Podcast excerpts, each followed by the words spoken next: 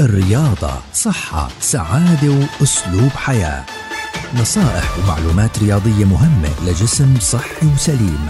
تسمعوها يوميا عبر أثير أجيال مع الكوتش. مجدي الرابي مدرب الرياضة المحترف. مع الكوتش بودكاست من أجيال.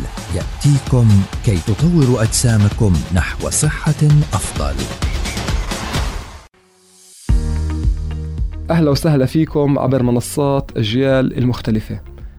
كتير ناس عنا بيشوفوا صور أشخاص معينة اللي عندهم عضلات هائلة وعضلات كتير كبيرة وعضلات ضخمة جدا وبيحلموا إنهم يوصلوا لهاي النسبة من هاي العضلات أو حتى جزء معين منها. ضروري نعرف الناس إنه هاي العضلات ما بتنتج فقط عن حمل الأثقال الزائدة.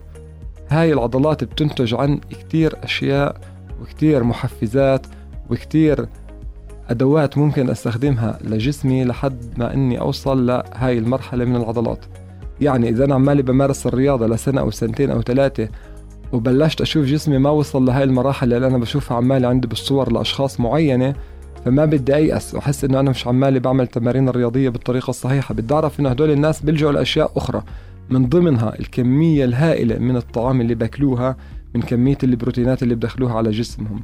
الكمية الهائلة من السبلمنتس اللي بدخلوها على جسمهم من بروتينات ومن أحماض أمينية وممكن كمان يلجأوا يلجأوا لاستخدام محفزات ومنشطات للعضلات أكبر من هيك اللي هي الأشياء اللي أنا مش كتير بنصح فيها اللي هي من ضمنها المنشطات والمحفزات للعضلات على أساس إنها تضخم.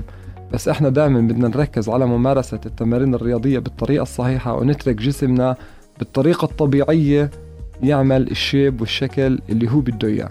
نتمنى الصحة والسلامة للجميع. In sports we share love.